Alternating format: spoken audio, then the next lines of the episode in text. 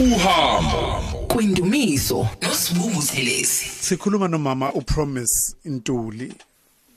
Sawubona ma. Yebo sawubona. uyaphila? Ngiyaphila ngani yami. ngiyaphila nami ma. Ngi- ngiyajabula ukukubona ngiyakhumbula ukuthi ngi- ngi- ngi- ngikubone esikhathini esiphambilini eh ku olunye uhlelo ngicabanga ukuthi olwenziwa lapha yana e- eWestville prison. Ngiyajabula ukubona ukuthi usukwazile ukuthi ugcine uphumile. Yebo ngani. Yami. Okay, sisho kanjalo nje mlaleli eh, umama upromise eh, Ntuli uma mdlalo sunyanda wephahla. So sixoxela nje ukuthi ku- ku- kwenzeka kanjani njengoba sikhuluma ngokuhlukumezeka kwabantu besifazane umuntu one story naye esithi asi- asibe njalo okugcine lokho kwamgcina waze waboshwa njengoba uzwa ngisho nje kanjalo kwenzekeni ma u- u- ukuze kufika lapho nje oboshwa khona i- i- iqala indaba lapha nesuka khona njengoba kade uyichaza lapha ngaphakathi Eh eh ukubeka ukuhlukumezeka nje kababa.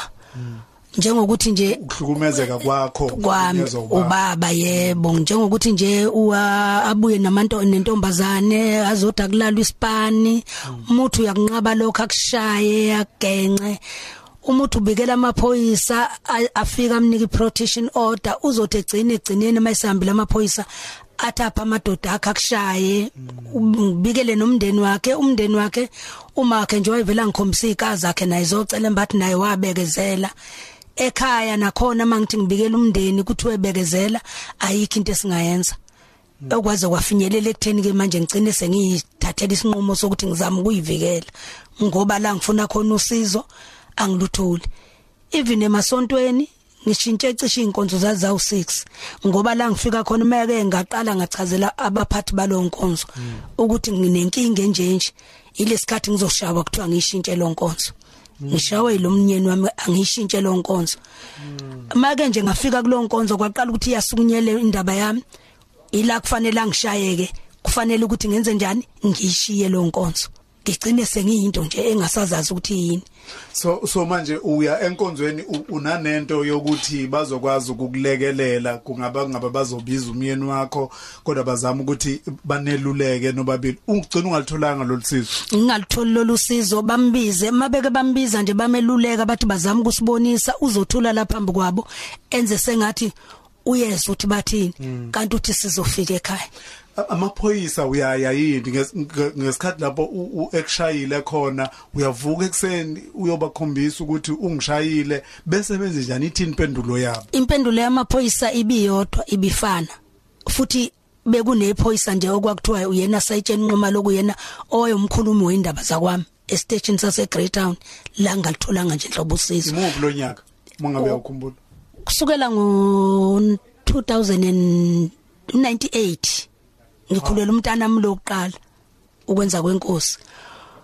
Kwasukela lapho nje akaze ngiphinde nje ngutholeke nje ukuphumula. Amaphoyisa bengitshente yodwa ushadile hamba nihlale phansi nixoxe alethe lamaphepha azobeka lamaphepha azomnika lamaphepha leli phepha alinawo amandla okungivikela. Isikhathi selihambile iphoyisa ngizoshawa ngizosala ngishawe. Ngishawe naleli phepha elingangisizi ngalutho mina egcineni Nkosi yami. Kwaze kwe kwe- kwe- kwenzeka kanjani? Ngiyacabanga nje ukuthi uzame konke o- o- obukuzamile ngalezo sikhathi. Uyahluleka uthola usizo ekhaya awulithole emndenini awulithole enkonzweni.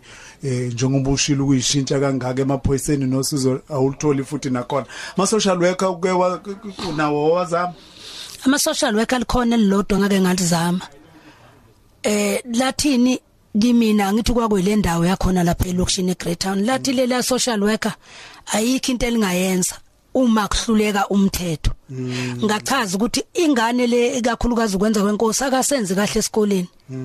Sengibizwa nje njalo kuthiwa bazi ukuthi kushintshe phi. Ngichaze nakhona esikoleni ukuthi ingane ibuka into enje enje. Mina zami izingane ziyawazi wami umzimba ungambethe. Nkosi yami. Abantu abaqashe kwami bayawazi wami umzimba ungambethwe esengishaye ngesitini ngaquleka ngikhumula ngihudule uzama ukungixolisa exhaphozini lalini kunexhaphozi ngaphesha komgwaqo kwami ezama ukungibulala lapho. Kulapho ke la kwafinyelela khona ekutheni ngithatha isinqumo ukuthi vele ngiyinto efana nefile ngiyinto futhi engenasithunzi ngaziwa abantu ngiyinquno. Kusiyami mam promise. Wenze njani ke ukuyilamulela kulesi simo manje? Nokho osokuthola manje sekukufaka enkingeni futhi ke manje. Eh ngakhuluma nabafana khona umfana wayeqashe kwami wakaduma kude wafuna omunye wakwa Gumede kusho ukuthi bamdubulake. Kwanzima futhi kumina manje mase kwenziwe sekubhlungu futhi kumina ukuhlala nalento. Mm, Kusiyami ukuthi bekulula khathi ngisho. Eh ningakwenza. ngenxa yentukuthele eh. Uma futhi sebefona sisesila esitolo kwazakho hayi ngishintshe ngithi nayi ningabe niseza sengiyasaba. Athi lo muntu ngike ngisukele kude kanje ematimatolo ngizo ngizodlala wena la. Kushuthi phela kofanele ngibulale wena ke. Nginomakoti wendodana yakhe. Umakoti wendodana yakhe uthini? Umanzama. Ma yenze lento uvele angithi naye wekade emxosha. Yenze ma lento vele Okay. ubaba kekho right si- noma singaba singabagwema mama ama- amagama abo ngoba Yebo. akona siwadingayo thina kakhulu kodwa si Yebo. si si- sidinga ukuzwa nje umkanje wale wal- walenkingo ye wabhekana nayo kakhulu kwagcina bekwenzile yebo kwa bakwenza kungithi kwakolwesine kwalwesihlanu lwesonto elilandela kwalwesihlanu lwesonto elilandelayo kwafika amaphoyisa bede lokho efika edefika engakhulumi nami ekhuluma nomndeni ngingawaboni mina. Kwa akwathi ngolwesihlanu kuzothunwa ngomgqibelo afika asethi awazi uthi angakwazi ukukhuluma nami. Noma ngoba isikhathi sokuthi mhlambe ngizokhuluma nawe mhlambe mase ngingcwatshiwe. Athi umama ezala wami makoti wena ubona kanjani nithi mina ngifune nakulinda mncwabo ngiyahamba ngithi bathi bafuna ukukhuluma nami? Ngifuna ukuhamba nami ngiyokhuluma nabo. Uma njobe uyokhuluma nabo uyo- uyothi njalo uyovuma ngiyobatshena Ukuthi ukuthi yini kwenzekeni yebo ukuthi kwenzekeni. Hayi ngafika ngachaza ukuthi kwenzekeni kwenzekeni. Futhi engakusho kulela phoyisa ngathi mina ngicabanga ukuthi sekufanele nikikiza ngithi nangaleso sikhathi nginale enga.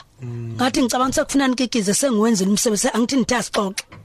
Sesixoxileke saqeda. Ngicabanga ukuthi ngeke ngiphinde nginihluphe. Qedile sengixoxile naye saqeda. Waboshwa ke ngaboshwa. Ngasho ke abantu laba ngazi nasemakubo labo ngachaza nje ukuthi ingane yalomunye eh u- u- waka singa singababizi nje eh eh amagama. walokhuza ngathi a- a- bathathe yona ngoba ikhona iqashe kwami yona ezobakhombisa bakho abantu engabazi vele.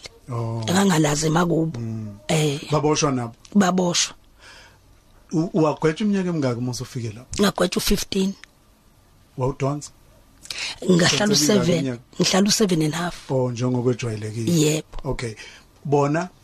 Lo omunye okuyona engimisho ukuthi wayihlala ingane yakhe ayihlala kwami wagwetshwa u15 naye usaphuma phume ngo2018 lo kuyena owabulala wagwetshwa u27 years akakaphumi. Akakaphuma lona okuyena en- enike eh, osephumile ngena hlangana naye kuthini ukuxoxa kwenu. Ngiyazi ukuthi bona uye kubo ngoba bona benamandla okukwazi ukwenza. Wena Yebo. uthi uzama ukuyi- ukuyixazululela inkinga. Yebo. Mm. hayi yena ngake ngafona. Ngafonela usisi wakhe ngathi akomiki number hayi wa- ku- kwacaca ukuthi abafonike akakaze nje ngixhumane naye. Usisi wakhe umuntu ebengiye ngixhumane naye uma walengane eqashe kwami bengiye ngixhumane ke yena naye kodwa nami ngagcina sengithi angiyeke ke nje kulongibelesela uphuma ke up- uphume nini ngo2018 2018 August. Uphuma wenze njani? Uyapi mam promise? Uye ekhaya kwakho wenze njani? Bakwemukela kanjani ngesikhathi ufika? Ngiye kithi kusisi wami la kaphi eh kwaphi emlasi awukazuye le akaze ngiye ngangiye ngifone ngangifonele izingane ngikhulume nezingane kuphela. Angikaze ngikhulumeke nabanye ngoba umamezana umndeni wakubo ubufika kodwa uzokubona khona lapha kwafika uboshwe khona. kwafika indodana yakhe. Indodana yakhe ngizothini? Indodana yami ngoba ngayithatha incane ngayikhulisa. Oh indodana kamyeni wakho? Yebo. Okay. ngayikhulisa nje ngaba uma wayo. Iyona yafika eh Westville futhi nakhona yayifika ngoba ethi umuzi bawuqhwaqa umuntu owayeqashile. Wathi mina ngibhala incwadi ngathi umuzi owakhe. Eh ah, into engayasike nokho wathi ke ucela ngidayi bacela imvume ukuthi ngisayine ukuthi dayisa umuzi ngivume ukuthi umuzi ubuyele egameni lengane noma ngudayisa ikuphatha kanjani ma? Um- um- uboshiwe ke manje usejele. Yebo uboshela ukubulala ngoba akekho umuntu ovumelekile ukuthi abulale omunye umuntu. Yebo ukukhumbula ukuthi ngize ngingena kulesi simo kodwa ngizamile. Bengizamile ukuthi ngi- ngilithole usizo. Nokucabanga nje abanye abantu besifazana okungenzeka ukuthi banesimo esifana nesakho. Ukuyithola usuku lesiya simo ubuna muzwa muni lapha ejele?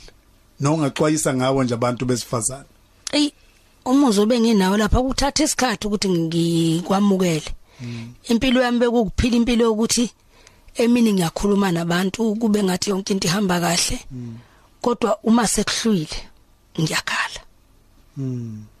Ngoba ngiyabheka ukuthi empilweni yami bengikuthandile ukuba umntwana kaNkuluNkulu ngikhule naphansi kwagogo ngazana noNkuluNkulu. Kodwa manje egcineni sengi sengizothini? Sengumbulali kusho ukuthi ngiyibone ngumuntu onecala ongeke sakwazi ukuthetheleleka.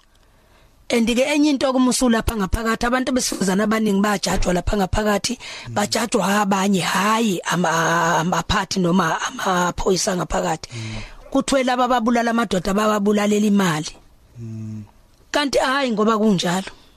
Besifazana abagcwele lapha babulala amadoda bethi bayivikela uswayixolela kodwa wena?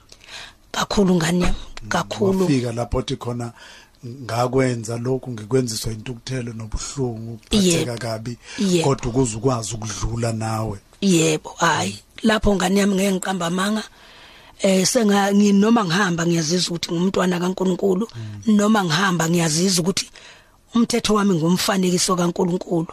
Okwenzeka kwenzeka. Ngeke ngisakwazi ukukulungisa kodwa ikusasa lami lona ngisengalilungisa umuntu wesifazane eh, ocabanga naye ukuthi usekuzame konke. Kodwa em kulesi sikhathi ngiyazi ukuthi uMEC bayakusho la benomnyango ukuthi ungahamba uzuyofika ngisho kungqongqoshe imbali mangabe ukuthi awusizakala epolice station. Isiyalo ongasinikeza umuntu wesifazane ob- obengaze kufike ku- ku- ku- kumcabango ofana naloyo aze azivikele yena ngokuthatha umthetho ezandleni zakhe. Nokumenza nje akhumbule ukuthi akumnandi lapha ngaphakathi. Lapho ke inkosi yami angifuni uku- ukudlala ngabo ngabe ngidlala ngabo dadewethu. Okungcono uma unayo indawo ongaya kuyo ukushiya. Shiya. kuhle nje ukuphuma. Uphume usaphila ngoba kuphakathi kokuthi wena uphume ngebhokisi noma wena uphuma usushiye ibhokisi kulowo mshado. Engakusho nje mina ngathi uma unayo indlela yokubaleka baleka nje ngenyawo zombili. Mina ngiye ngibheka ukuthi ngangenali imumva vele bengenabazali. Kodwa ngicabanga ukuthi ukuba mina mhlambe ngihamba ngoyifunela umsebenzi emaplazini ungcono Mashini. ukukhulunywa ukuthi ngihlakule imoba. Ngaba ngingenanga kule nkinga? Yini ke ubheka izingane uhlale ngoba uthi ucabangela izingane egcineni akukusizi. Mampromise siyabonga kakhulu. Engikubonga kakhulu kuwena ukuba nesibindi ukukwazi ukukhuluma nathi ngalolu daba nokukwazi ukwabelana nabanye abantu besifazane. Kuyiqiniso ukuthi intukuthelo nobuhlungu futhi mangabe uzwe ngekho umuntu okusizayo futhi usuzame konke kwesinye isikhathi kufika lapho ungasazi na ukuthi kufanele kusebenzise sipsona isixazululo. Kodwa ngithanda kakhulu lokho kokuthi wena usufanele nomhlatshelo kubantu besifazane. Okuthi umyalezo wakho uthi kubantu besifazane bangayitholi bekulesi simo ophuma kus- kusona. Njengoba uthi kubona ungamane uphume ushiye uhambe ngoba nawe usho ukuthi kube wawucabangela ube kwakufikile umcabango othi angiphume ngihambe noma uyosebenza ngishe imobeni kwakuyokusiza kunokuhlala nonembezo ofana naloyo. Kodwa sikuthandayo kakhulu ukuthi uNkulunkulu ukusizile ukuthi ukwazi ukudlula kulesi simo nakulesi sigaba. Sibhlungu sinjalo sikufisela inqubekela phambili ma uNkulunkulu akunikeza amandla nobuhlakani ukukwazi ukuphinde futhi uyiqale phansi impilo yakho. Ngiyazi usanda kuphuma kuningi futhi usangahlangabezana nakho njengoba usushila ukuthi nabo abantu besifazane bayajajana futhi. Bengingakutshela nje ukuthi eh ngoba abazazi icathulo okade uyigqokile wena. Eh uzivale nawe izindlebe uthemba uNkulunkulu kuphela. And siyafisa ukuthi si- sikufisele ikusasa eliqhakazile nelihle. Thank you jesus. Siyabonga kakhulu ma ngiyabonga kakhulu nawe Indumiso nosibuphelezi